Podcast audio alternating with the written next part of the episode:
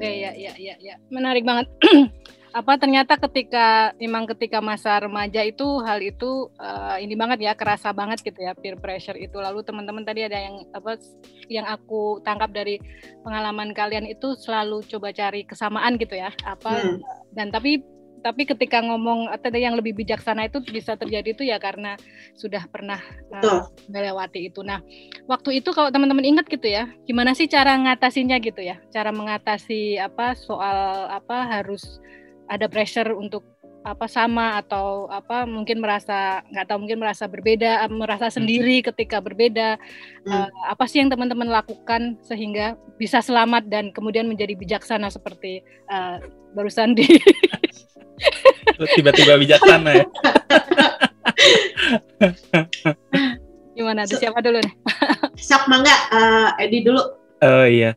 Jadi kalau saya sih kayaknya ini ya memang banyak banyak ngobrol dan minta masukan sebetulnya sih. Tapi ya seperti yang saya bilang, nggak nggak semua masukan itu beneran jadinya harus diikutin. Tapi tentunya bisa dijadikan pertimbangan dari orang-orang yang eh, apa ya, orang-orang yang punya pemikiran yang kita rasa oh dia kayaknya udah ngelewatin banyak gitu kan. Tentunya mereka pun bakalan beda-beda tuh kan pendapatnya. Tapi nanti kita bisa nyusokin kira-kira yang memang sesuai dengan value-nya kita tuh yang mana. Dan dengan siapa Edi? Sorry.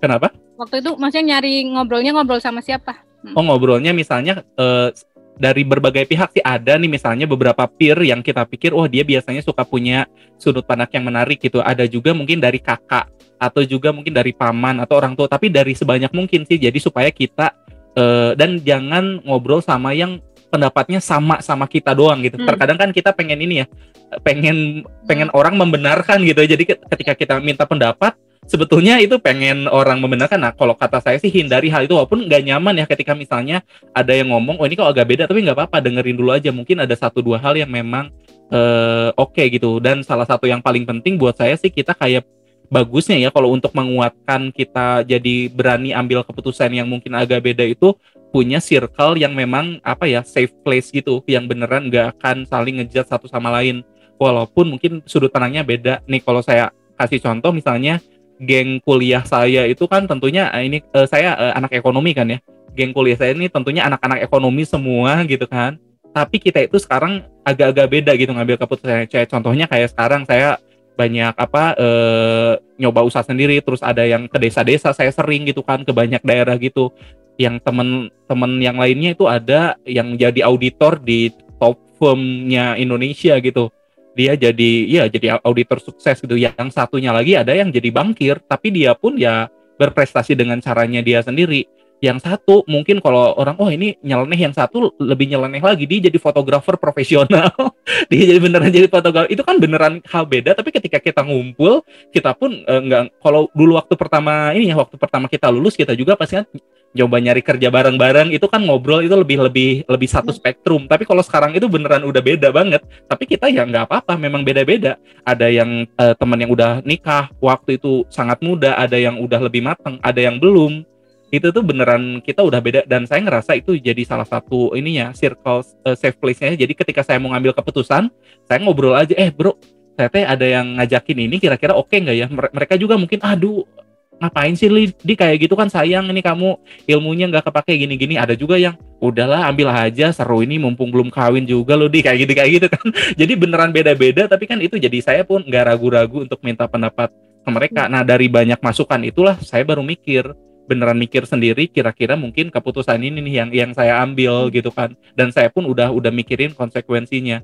Ketika diambil ya ya apa di diambil konsekuensinya. Dan saya pun nyadar sih gara-gara saya ini ya eh, apa yang ngomongin tadi fase mungkin. Kalau sekarang mungkin saya bisa ngambil keputusan yang tingkat eh, risikonya agak gede. Tapi mungkin someday kalau misalnya saya udah nikah mungkin bakalan beda ceritanya dan tapi saya udah menyadari itu dari sekarang gitu. Mungkin saya bakalan berubah lagi eh, dan dan it's okay gitu. Jadi saya pun nggak harus mengamini ketika misalnya saya ngambil keputusan nih terus salah terus rugi gitu. Kalau nggak kita ngerti satu project terus nggak jalan. Kita juga nggak enggak kok di ini bagus kok programnya. Enggak juga. Kita juga oh ternyata kemarin salah berarti ada ini yang salah nih. Ya udah next gitu kan.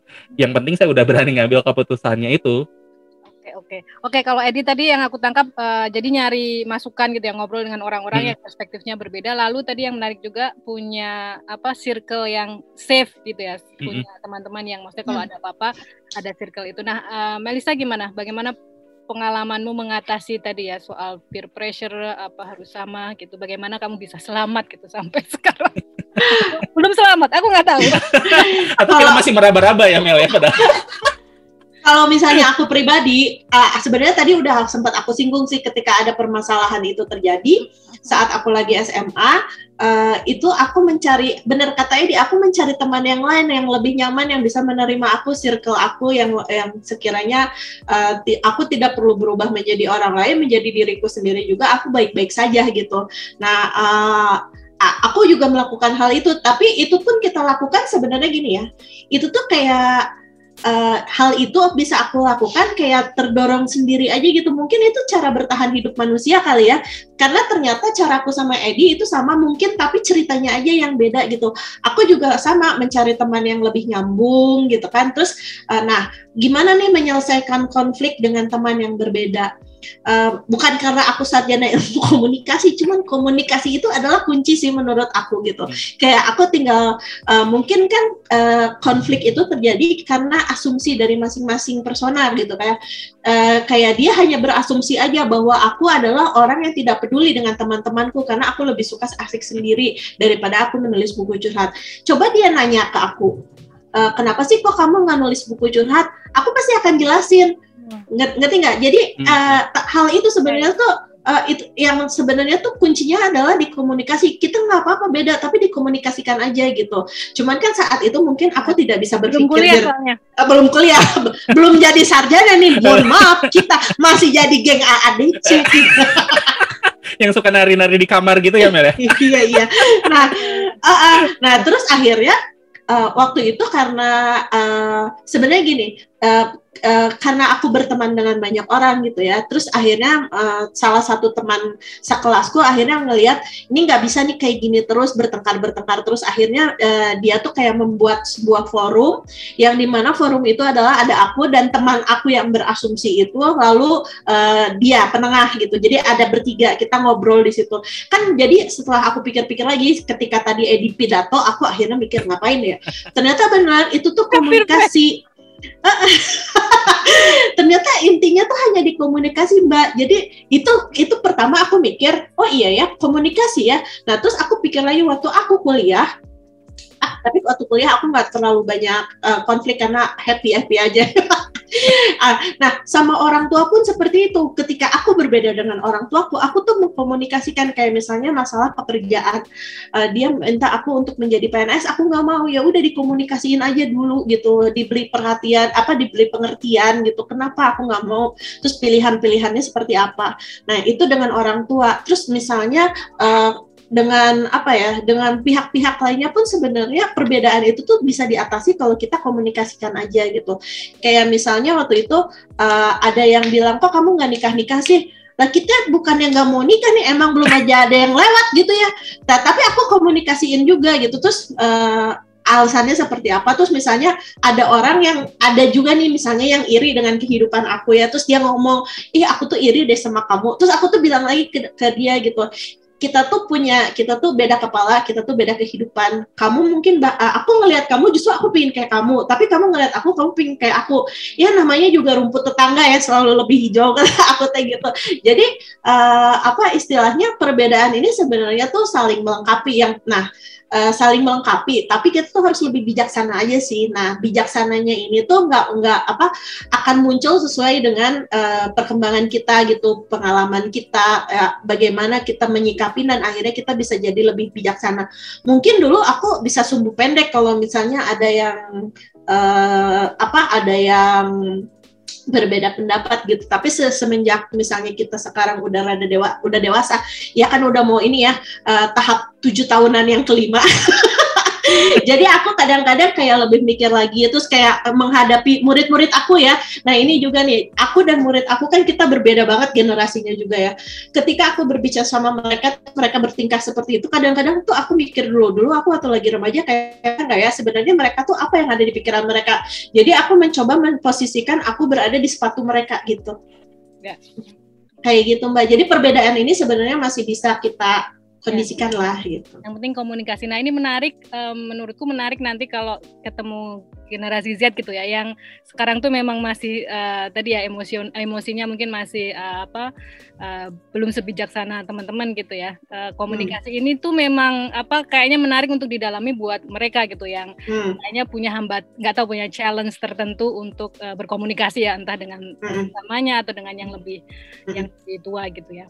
Nah, uh, teman-teman teman-teman kan sekarang sudah melampaui masa remaja gitu ya, sudah dewasa gitu ya. Nah, tadi Edi bilang soal sebenarnya di tiap fase itu apa akan mengalami hal serupa peer pressure itu masih ada gitu ya untuk apa menjadi sama. Nah kalau yang teman-teman rasakan di titik ini saat ini tuh masih ada nggak apa uh, apa being di saat ini yang paling yang paling mungkin hmm, cukup bikin teman-teman pressure itu apa? Hmm, Mau siapa dulu nih? Edi dulu lah. Oh. biar aku mikir dulu, oh, biar iya, lebih bener. bagus. Iya, kan kompetitif bener, anaknya. Bener, bener, anaknya bener. kompetitif. Tadi sudah disebut soal ini ya, soal menikah. Mungkin ada yang lain nggak selain itu? itu mah udah, udah dua kali curhat sih Mel kamu Mel jadi udah menjawab itu ya tanpa udah. perlu disebutkan ya kalau jadi a, tapi agak kalau saya ngerasa ini agak beda loh mbak dari yang dulu sampai sekarang ya. Kalau zaman dulu tuh uh, apa ya uh, pressure atau dibandingkan atau karena beda itu banyak dari internalnya. Karena kita pun kayaknya masih belum berdamai dengan diri kita sendiri ya orang kayak gini. Tapi kalau sekarang kalau saya sih ngerasanya secara personal saya udah lumayan damai ya. Maksudnya ya saya udah menyadari kalau tiap orang itu beda-beda dan apa nggak bisa dibandingin. Tapi biasanya orang yang luar tuh apakah om tante gitu ya kalau lagi lebaran atau lagi natal gitu kan biasanya kan banyak pertanyaan-pertanyaan banyak kalau sama intinya sama dia mbak sama aku. Kalau saya nggak terlalu sih tapi uh, ini ya kalau misal uh, kalau yang suka dibandingin kayak gitu kalau saya cenderung jarang sih ya. Kalau sesungguhnya sih kalau palingan ya kayak itu cuman yang om tante gitu tapi itu sudah sangat tidak mengganggu saya sih karena kalau saya mah saya entah membaca di mana ya soal tapi ini jadi salah satu pegangan di kepala saya biasanya. Kalau yang kalau ini kok dia mah beda gitu kalau saya mah cenderung enggak enggak ngebandingin hidup sama orang lain gitu tapi ngebandingin kita titik saat ini sama kita titik di beberapa waktu yang lalu gitu. Jadi oh kalau dibandingin sama lima tahun yang lalu mah kayaknya hidup saya ada progres sih kayak gitu ya. Tapi mungkin kalaupun misalnya dibandingin sama orang lain oh ini ancur banget hidupnya si Edi gitu kan ini kayaknya kagak ada progres kan dibandingin sama orang lain. Tapi saya pikir dibanding lima tahun yang lalu kayaknya saya sih uh, ada progres sih. Jadi uh, kalau saya sih sekarang mah udah cenderung enggak ini sih enggak enggak kayak gitu sih. Palingan misalnya kalau misalnya itu pun enggak itu pun enggak ngeganggu uh, tapi cuman kayak sebagai ini aja sih uh, apa pelecut aja. Misalnya ada yang temen punya achievement apa atau sekolah mungkin atau misalnya ada yang menikah atau ada apa. Tapi uh, udah nggak mengganggu sih sekolah sekarang. Mungkin kalau beberapa tahun lalu agak-agak masih insecure ya. Kalau sekarang rada inilah. Mungkin karena banyak ngobrol sama Meli ya, oh ternyata Meli yang keren juga sama-sama insecure. Ini ternyata berarti aman, berarti aman. Oke benar. Kalau jadi kalau dulu waktu masih muda, masih lebih muda itu lebih hmm. banyak internal ya. Sekarang tuh lebih hmm. banyak uh, dibandingkan dari luar. Kalau internalnya sih udah agak uh, damai gitu ada mm -hmm. dari luar ini gitu. Nah. Kalau Melisa gimana? Uh, di sekarang itu yang masih merasa berbeda, ada pressure berbeda apa dan apa namanya? Bagaimana kalau misalnya tadi juga ketemu dengan yang eksternal itu terus uh, cara menjawab gitu ya? Kalau misalnya mm. pressure-pressure dari luar bagaimana? Nah, kalau saat ini titik saat ini hari ini banget nih. Jadi sebenarnya aku udah pernah di dalam tahap aku damai dengan diri aku sendiri gitu ya. Cuman kayak ada satu kejadian nih Mbak di mana akhirnya kedamaian aku ini terusik-usik gitu. Jadi kayak uh, apa aku tadinya udah dapat karir yang oke, okay, udah dapat kehidupan yang udah aku mau banget gitu. Cuman ada satu kejadian ya. Uh, jadi kayak ada kakak aku meninggal gitu ya. Kakak aku meninggal terus aku mau nggak mau aku harus balik ke Bandung. Jadi kayak aku meninggalkan karir aku di Jakarta dan semuanya aku mulai kembali dari nol banget di Bandung gitu. Nah, di situ tuh sebenarnya uh, aku akhirnya kayak yang tadinya aku kayak udah damai dengan diri sendiri, udah happy gitu, udah fasenya tuh udah mantep lah gitu. Kayak aku juga kayak udah happy banget dengan hidup aku sendiri. Nah sekarang uh, karena aku memulai semuanya dari nol lagi gitu, terus kayak bukan bukan di track yang aku mau gitu, terus kayak uh, tapi intinya gini, aku mencoba sedang mencoba untuk beradaptasi lagi dengan uh, semuanya gitu. Jadi kayak, nah apa yang aku anggap eh, apa yang aku rasakan tekanan hari ini adalah aku ngelihat kesuksesan teman-teman aku sih gitu teman-teman aku yang seumur gitu. Karena aku lagi memulai semuanya dari nol terus aku ngelihat teman-teman aku yang sukses itu juga kadang-kadang mikir kayak wah kalau misalnya dulu aku masih di kantor yang lama mungkin aku udah bisa sukses mereka gitu loh gitu. Terus kayak misalnya kayak uh, apa terus keluarga juga ngelihat teman-teman aku kayak ih mereka udah asik ya udah punya keluarga sendiri tapi aku belum gitu. Terus itu juga membuat aku pribadi itu kayak tekanan karena apa? Karena uh, akhirnya karena di rumah aku tuh sekarang cuma berdua sama mama kan sepi ya jadi kayak ada tekanan juga di dalam diri. Kapan nih kita beranak pinak biar rame aja gitu. Kayak kayak temen yang di sebelah gitu kan kayak eh, kehidupan aku juga berbeda gitu saat mereka lagi asik-asiknya gitu. Cuman uh, aku tuh uh, pernah ada di satu tahap uh, aku tuh kayak nggak ngelangkah kayak kayak diem aja gitu kayak pat kayak gimana ya kayak nggak hidup aja mbak gitu. Jadi kayak udah nggak ada warnanya lagi gitu ya nah sampai akhirnya aku tuh ketemu sama teman A aku ngobrol ketemu sama teman B aku ngobrol. Bahkan salah satunya adalah aku ketemu sama Edi juga kita ngobrol sering banget kita ngobrol gitu ya. Dan akhirnya aku tuh uh, apa mener, ngobrol sama diri uh, diri aku sendiri justru ini teh saatnya kita lagi uh, mencoba beradaptasi dengan situasi yang baru gitu. Mungkin uh, yang tadinya mungkin ini adalah pengalaman hidup aku yang baru. Kan aku pernah cerita ya ke uh, tadi sih sempat aku sebut juga bahwa aku tuh sedang mengalami uh, aku akan menuju uh, tahun ketujuh yang kelima. Nah si tahun tujuh yang kelima ini kalau misalnya secara teori kita tuh akan membuat sebuah keputusan yang besar.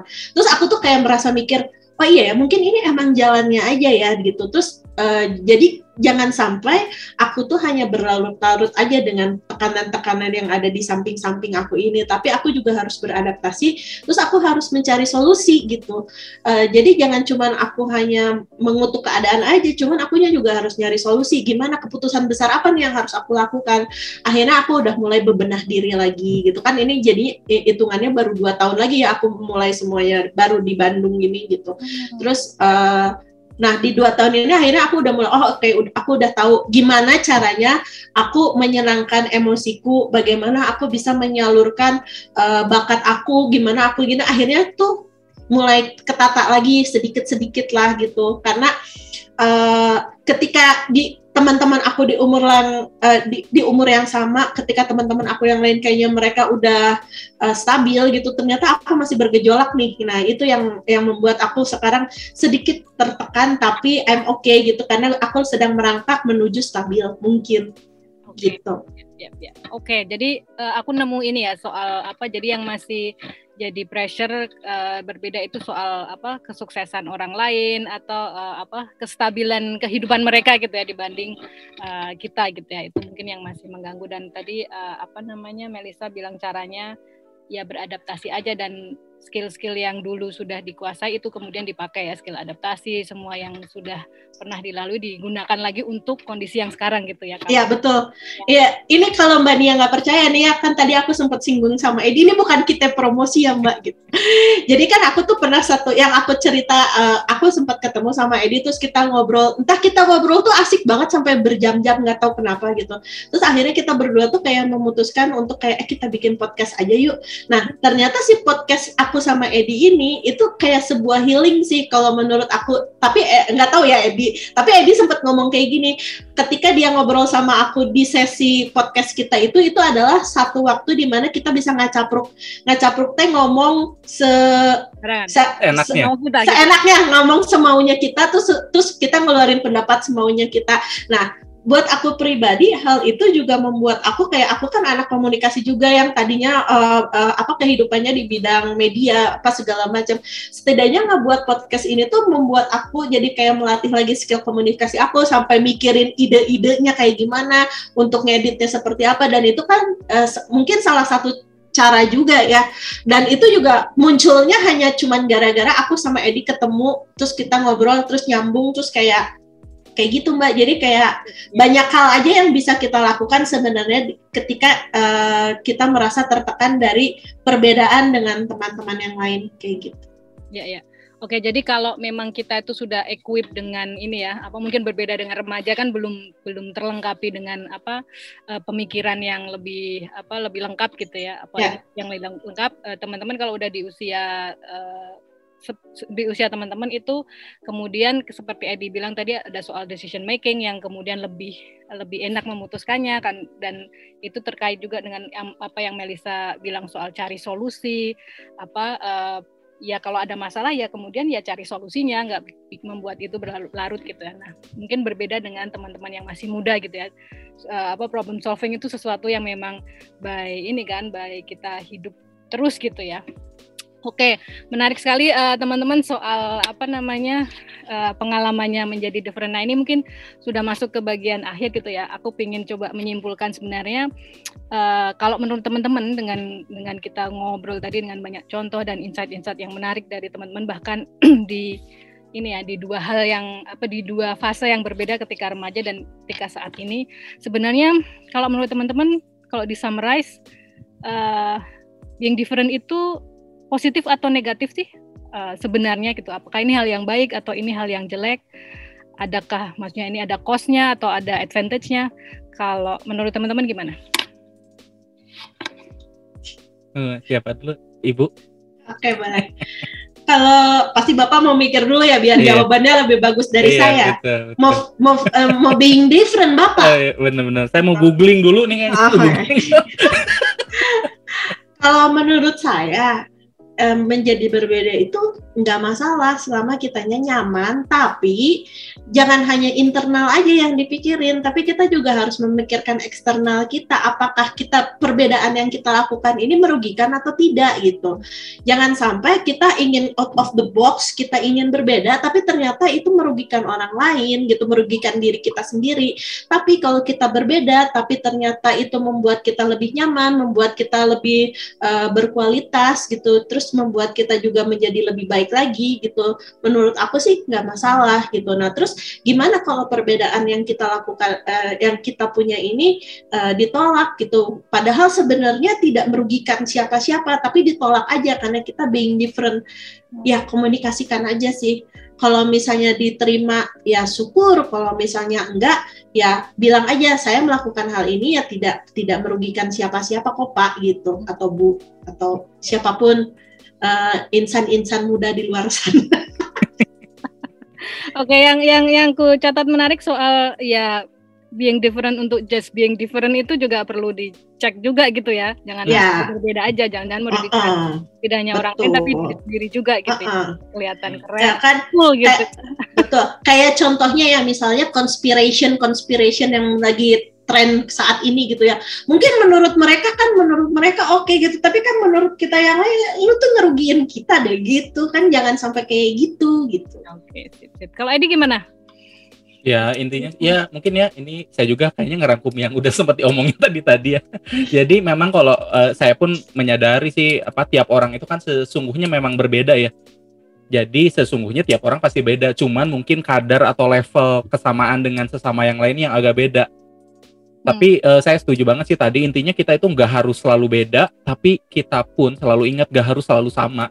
Karena memang kecenderungan kita untuk sama dengan uh, apa peer kita itu uh, sangat lumayan gede gitu ya. Jadi kalau misalnya teman-teman ngerasa ya itu sih menurut value saya dan kayaknya keputusan A yang bagus walaupun mungkin beda dengan orang-orang sekitar, ya ambil aja keputusannya selama sudah memang memikirkan uh, konsekuensinya. Dan kalau dari saya pribadi sih bahkan pada sampai titik saat ini untuk mengambil keputusan yang dalam tanda kutip dianggap agak beda ya dengan keputusan orang pada umumnya itu tentunya bakal ada efek nggak nyaman untuk dijalani nih jadi jangan ngerasa ini kayaknya oh apa eh, ya karena udah biasa beda gitu dari kecil ketika ngambil keputusan yang agak aneh terus ketika ada yang nanya itu teh langsung wah saya pede memang harus. Enggak juga saya pun pasti beberapa uh, sempat bertanya ke diri sendiri gitu apa am I on the right direction or not kayak gitu kan itu dan itu sangat-sangat wajar itu sangat-sangat wajar. Tapi kalau misalnya kita udah memikirkan konsekuensi dan memang itu kita pikir adalah keputusan yang terbaik yang bisa kita ambil saat itu ya udah nggak apa-apa. Kayak gitu sih. Oke okay, oke. Okay. menarik. Nah uh, nyambung dari situ aku jadi jadi mau bertanya hal yang lain lagi teman-teman kan tadi di awal banget bilang bahwa sebenarnya teman-teman memang berbeda gitu ya dengan yang lain. Nah, kalau uh, di titik ini gitu ya, apa sih uh, manfaatnya, maksudnya yang dirasakan teman-teman untuk being hmm. different? Hmm. Apa memang berbeda itu buat teman-teman apa sih sebenarnya gun apa uh, advantage-nya gitu ya? Mungkin setiap orang memang beda-beda ngalaminnya, tapi hmm. apa sih hmm. the perk of being different for you gitu uh, selama teman-teman uh, grow up gitu? Kalau buat aku pribadi sih lebih kayak ke jadi bekal ke hidup aku ya Mbak. Jadi kayak uh, karena aku berbeda, aku menjadi banyak pengalaman, aku menjadi banyak uh, ketemu orang baru, banyak sudut pandang baru, banyak pembelajaran baru, sehingga akhirnya membuat aku sendiri jauh lebih ini ya, lebih kayak kayak untuk wawasan, kayak untuk informasi gitu. Karena aku tidak lempeng-lempeng gitu loh. Jadi kayak justru dari petualangan-petualangan aku inilah aku tuh menjadi Melisa yang saat ini gitu, bukan bukan Melisa yang mungkin sama dengan yang punya nama Melisa lainnya gitu ya. Gitu. Aku menjadi Melisa yang seperti ini karena aku menjadi berbeda gitu. Nah, ini juga pernah aku sampaikan juga sih ke murid-murid aku. Nah, karena si murid aku ini kan masih remaja ya, terus mereka dia tuh pingin banget diterima yang tadi aku ceritain itu Uh, tapi di situ aku pun belajar dari murid aku bahwa ketika kita emang lagi seumuran mereka, lagi seumur remaja, mungkin aku inginnya tuh sama sama teman-teman aku, gitu. Aku tuh pingin sama sama mereka gitu. Padahal aku dan mereka tuh jelas-jelas beda gitu. Nah, tapi seiring berjalannya waktu kan kita juga bisa damai dengan hal itu gitu. Nah, justru kejadian-kejadian yang perbedaan-perbedaan inilah yang akhirnya kita belajar menjadi lebih bijaksana juga, lebih bisa untuk hidup kalau menurut uh, menurut aku gitu. Jadi justru mungkin kalau misalnya tidak ada kejadian dia dimusuhin uh, teman aku tidak diterima eh teman aku, si murid aku ini tidak diterima oleh teman-temannya karena dia berbeda gitu mungkin dia juga tidak akan belajar sesuatu. Intinya mah kita pasti belajar sesuatu dari apa yang kita alami gitu. Jadi mau kita berbeda terus kemudian diterima kita berbeda kemudian kita tidak diterima pasti ada hal yang bisa kita pelajari dari dari hal-hal tersebut yang akhirnya membentuk kita menjadi saat apa uh, yang saat ini gitu yang hari ini. Kayak gitu sih mbak. Oke. Edi kalau saya sih ketika misalnya udah ini ya apa ngambil keputusan yang beda gitu dalam jangka panjangnya ya, dalam jangka panjangnya saya sih ngerasa apa ya bangga gitu atau dan puas gitu karena saya berani ngambil keputusan sendiri gitu dan bukan karena pressure dari orang luar ya dari pihak luar. Jadi itu beneran saya ngambil keputusan apakah itu sama atau beda ya tapi kalau orang-orang mungkin mandangnya ini kok beda? gitu ya. Ya gara-gara apa yang ada di kepala saya gitu. Walaupun nih misalnya ada keputusan yang saya jadi beda ini sebetulnya salah dalam jangka panjang itu misalnya. Tapi saya tetap aja kayak ah nggak apa-apa yang penting saya udah ngambil keputusan sesuai dengan saya. Ternyata dalam tanda kutip kena batunya mungkin ada yang ngomong ah kan kata gua juga jangan lu sok-sokan ngambil yang beda gitu. Tapi dalam hati saya tetap oh iya itu memang nggak nggak benar gitu ya. Tapi it's uh, it's okay gitu ya. Salah satu contohnya misalnya kemarin nih waktu saya pulang dari sekolah saya itu ya biasanya kan enak itu adalah momen yang tepat untuk uh, ngambil kerjaan yang pas dan enak gitu ya karena kayak gitu. Tapi waktu itu saya malah uh, berpartner dengan salah satu teman saya mengerjakan satu project bareng kayak gitulah. Project bareng terus kita berinvestasi waktu tenaga duit dan beberapa bulan kemudian ada pandemi itu kan jadi momen saya hilang momentum tapi kita pun kehilangan banyak resources. Tapi saya pikir ya nggak apa-apa sih itu memang kayak keputusan. Mungkin ada beberapa rekan saya yang sempat saya obrolin kayak tuh kan lu aneh-aneh sih bikin begituan. Jadi aja kan pandemi. Terus saya pikir iya sih itu kayaknya agak-agak agak apa uh, miscalculated gitu. Tapi ya it's okay gitu. Yang penting saya kayak udah nggak apa-apa saya puas aja udah ngambil keputusan tersebut. Karena memang saya udah mikirin konsekuensinya dari awal. Ya. kayak gitu sih Wow. Oke, okay, jadi uh, tadi uh, teman-teman bilang sebenarnya nggak harus selalu beda, nggak harus juga selalu sama. Tapi ketika being different kan teman-teman juga memang merasa apa berbeda uh, dengan teman-teman yang lainnya itu perknya atau benefitnya gitu. Kalau Edi bilang ya sebenarnya kalau di titik ini jadi bangga gitu ya dengan apa jadi puas dengan apa yang sudah uh, dialami atau diraih gitu ya dan Melisa juga tadi dengan banyak uh, mengalami hal-hal yang berbeda itu jadi pengalamannya jadi lebih banyak jadi belajar lebih banyak dan itu yang menjadikan Melisa seperti sekarang gitu ya. Oke teman-teman uh, luar biasa. Nah satu terakhir lagi, uh, nah buat teman-teman muda nih yang generasi Z yang tadi sebenarnya Melisa atau Edi udah sempat cerita, eh sudah mungkin sudah sempat sampaikan uh, saran atau tips gitu ya buat menghadapi uh, apa pergolakan menjadi berbeda ini di di hmm. masa-masa remaja. Ada tambahan lain nggak selain yang sudah disampaikan tadi buat teman-teman muda? Uh, kalau menurut aku, hmm, yang paling kenal diri kamu tuh diri kamu sendiri gitu. Yang paling kenal kita adalah diri kita sendiri. Jadi kenalin aja dulu diri kita sendiri apa potensi kita apa yang kita suka uh, sehingga hal itu akan menjadi sebuah pertimbangan. Emang ketika kita berbeda dengan peer kita dengan teman sebaya kita uh, ya nggak apa-apa gitu. Toh kita udah tahu dari kita punya potensi dan kita juga tahu nih kalau jangan hanya potensi sama minat aja tapi uh, kelemahan kita tuh apa gitu. Nah dari kelemahan potensi uh, kelebihan gitu kan kita akan menemukan sebuah peluang-peluang yang akan akhirnya men, apa mengarahkan kita. Jadi ketika emang kita berbeda tapi ternyata kita mengenali diri sendiri itu akan menjadi sebuah apa ya? istilahnya aman. Kita berada di titik yang aman ketika kita berbeda dengan orang lain. Justru ketika kita tidak mengenali diri kita sendiri tapi kita ingin sama sama orang lain kita justru akan terseok-seok jalannya. Kita entah mau mengalir ke mana kita akan menuju ke mana kita pun nggak tahu. Jadi intinya adalah gini teman-teman generasi Z ku termasuk aku ya. Termasuk aku. Z akhir Z akhir. Yuk kenalin aja dulu diri diri kalian gitu dengan apa sih potensi kalian ke ke apa ya nilai positif di kalian, kelemahan kalian, terus cari deh peluang-peluang yang bisa membuat teman-teman menjadi diri kalian sendiri.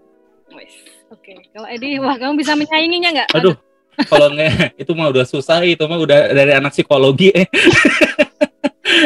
jadi kalau saya nyambung aja sih, ya saya sangat setuju dengan mengenal diri sendiri. Jadi jangan pengen sok sama atau saya beda. Kalau kamu udah kenal diri sendiri, pasti kamu yakin ketika ngambil keputusan. Tapi kalau saya pengen nambahin sih, uh, mengenali diri sendiri itu perjalanan seumur hidup. Ya. Saya dulu waktu masih SMA tuh ngerasa wah udah kenal diri sendiri banget gitu.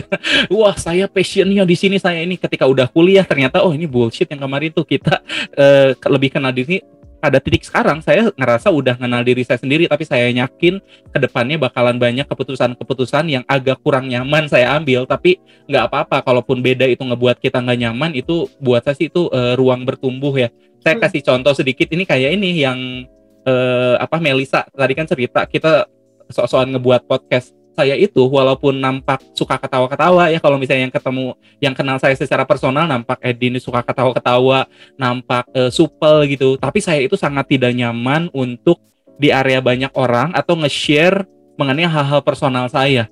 Karena itu ketika Melisa ngajakin ngebuat si podcast itu kita pakai nama palsu. Kalau saya sih alasannya itu ya. Jadi kita pakai namanya Supardi dan Melati karena kita pengen cuman have fun berbagi opini ketawa-ketawa gitu. Uh, uh, apa tapi uh, tetap tetap buat nyaman buat saya itu pun saya di beberapa episode kayak ini saya oversharing nggak ya? Kayak gitu saya itu. Mungkin walaupun orang kayaknya nggak peduli sih apa si Supardi yang penting mah dia mah ketawa-ketawa. Tapi saya ngerasa aduh kok saya nggak nyaman? Tapi saya pikir itu jadi ruang bertumbuh juga buat kenali diri saya sendiri gitu. Karena uh, ngomong ngapa ngobrol dengan Melisa yang ekstrovert yang mungkin lebih suka ngomong dan menggali saya pun jadi sedikit demi sedikit lebih uh, mengenali diri kita sendiri intinya sih mengenal diri kita sendiri itu adalah hmm. perjalanan hmm. seumur hidup ya termasuk hmm. buat saya hmm. kayak gitu Bania ini bisi ada bisi jikalau ada anak Z yang mendengar gitu ya, terus misalnya kalian tuh sudah berada di satu tahap yang kayaknya kok gue nggak bisa nih puter balik lagi untuk mengik apa mengikuti diri sendiri passion gitu nggak jangan maksudnya uh, kalau misalnya udah terlanjur ya tapi kan nggak pernah ada kata terlambat. Tapi jangan sampai mengorbankan hal-hal yang sudah dilaksanakan. Jadi jangan sampai terbuai kayak ikutin passion ya dia. jangan kayak gitu. Tapi lebih kayak kenalin aja dulu diri sendiri. Misalnya gini ya, kalian berarti generasi Z itu kan kalian yang udah di bangku kuliah ya. bener Ya, nggak sih? SMA juga bisa. Ah, ah.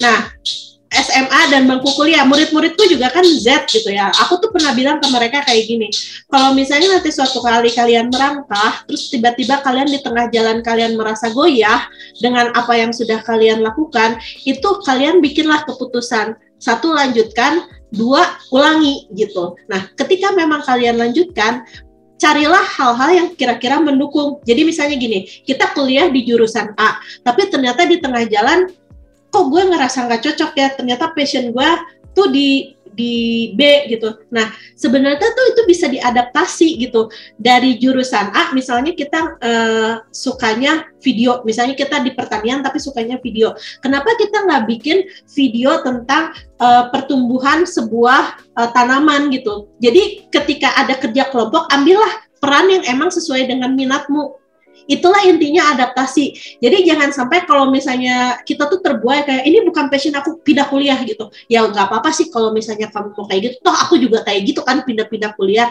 Tapi ada juga nih ternyata cara yang lain ketika kamu memang sudah berada di satu tempat, lalu kamu tapi nggak punya privilege lah untuk mengulang lagi dari awal karena kamu emang udah harus aja di situ. Ya berarti caranya adalah kamu adaptasi gimana caranya kamu bisa mengkombinasikan dua hal menjadi satu hal sehingga kamu menikmati apa yang sedang kamu jalani gitu Mbak. Wow. Oke, okay, uh, eh, terima kasih banyak teman-teman. Aku jadi bingung summary-nya. Banyak sekali insight yang didapatkan dari percakapan kita yang lumayan panjang ya ternyata ya nggak kerasa seru sekali. Uh, tadi mungkin aku jadi hanya bisa mengulangi beberapa hal yang teman-teman sampaikan. Nanti mungkin teman-teman yang mendengarkan bisa mendapatkan mendapatkan insight yang lain. Kayak sebenarnya tidak masalah menjadi beda atau menjadi sama tapi tadi teman-teman meng-highlight being different itu ada ada advantage-nya juga dan itu menarik gitu ya karena uh, itu memperkaya hidup kita kemudian juga membuat diri kita jadi lebih puas gitu ya karena nggak karena punya punya apa mungkin punya challenge yang berbeda untuk di untuk diatasi gitu. Nah dan kemudian uh, tidak masalah juga yang penting teman-teman mengenali diri sendiri dan Edi tambahkan tadi juga mengenali diri sendiri ini proses yang tidak ada habisnya. Oke, teman-teman, uh, terima kasih uh, atas waktunya. Uh, sampai bertemu lagi kalau kita bisa bertemu lagi. Bye.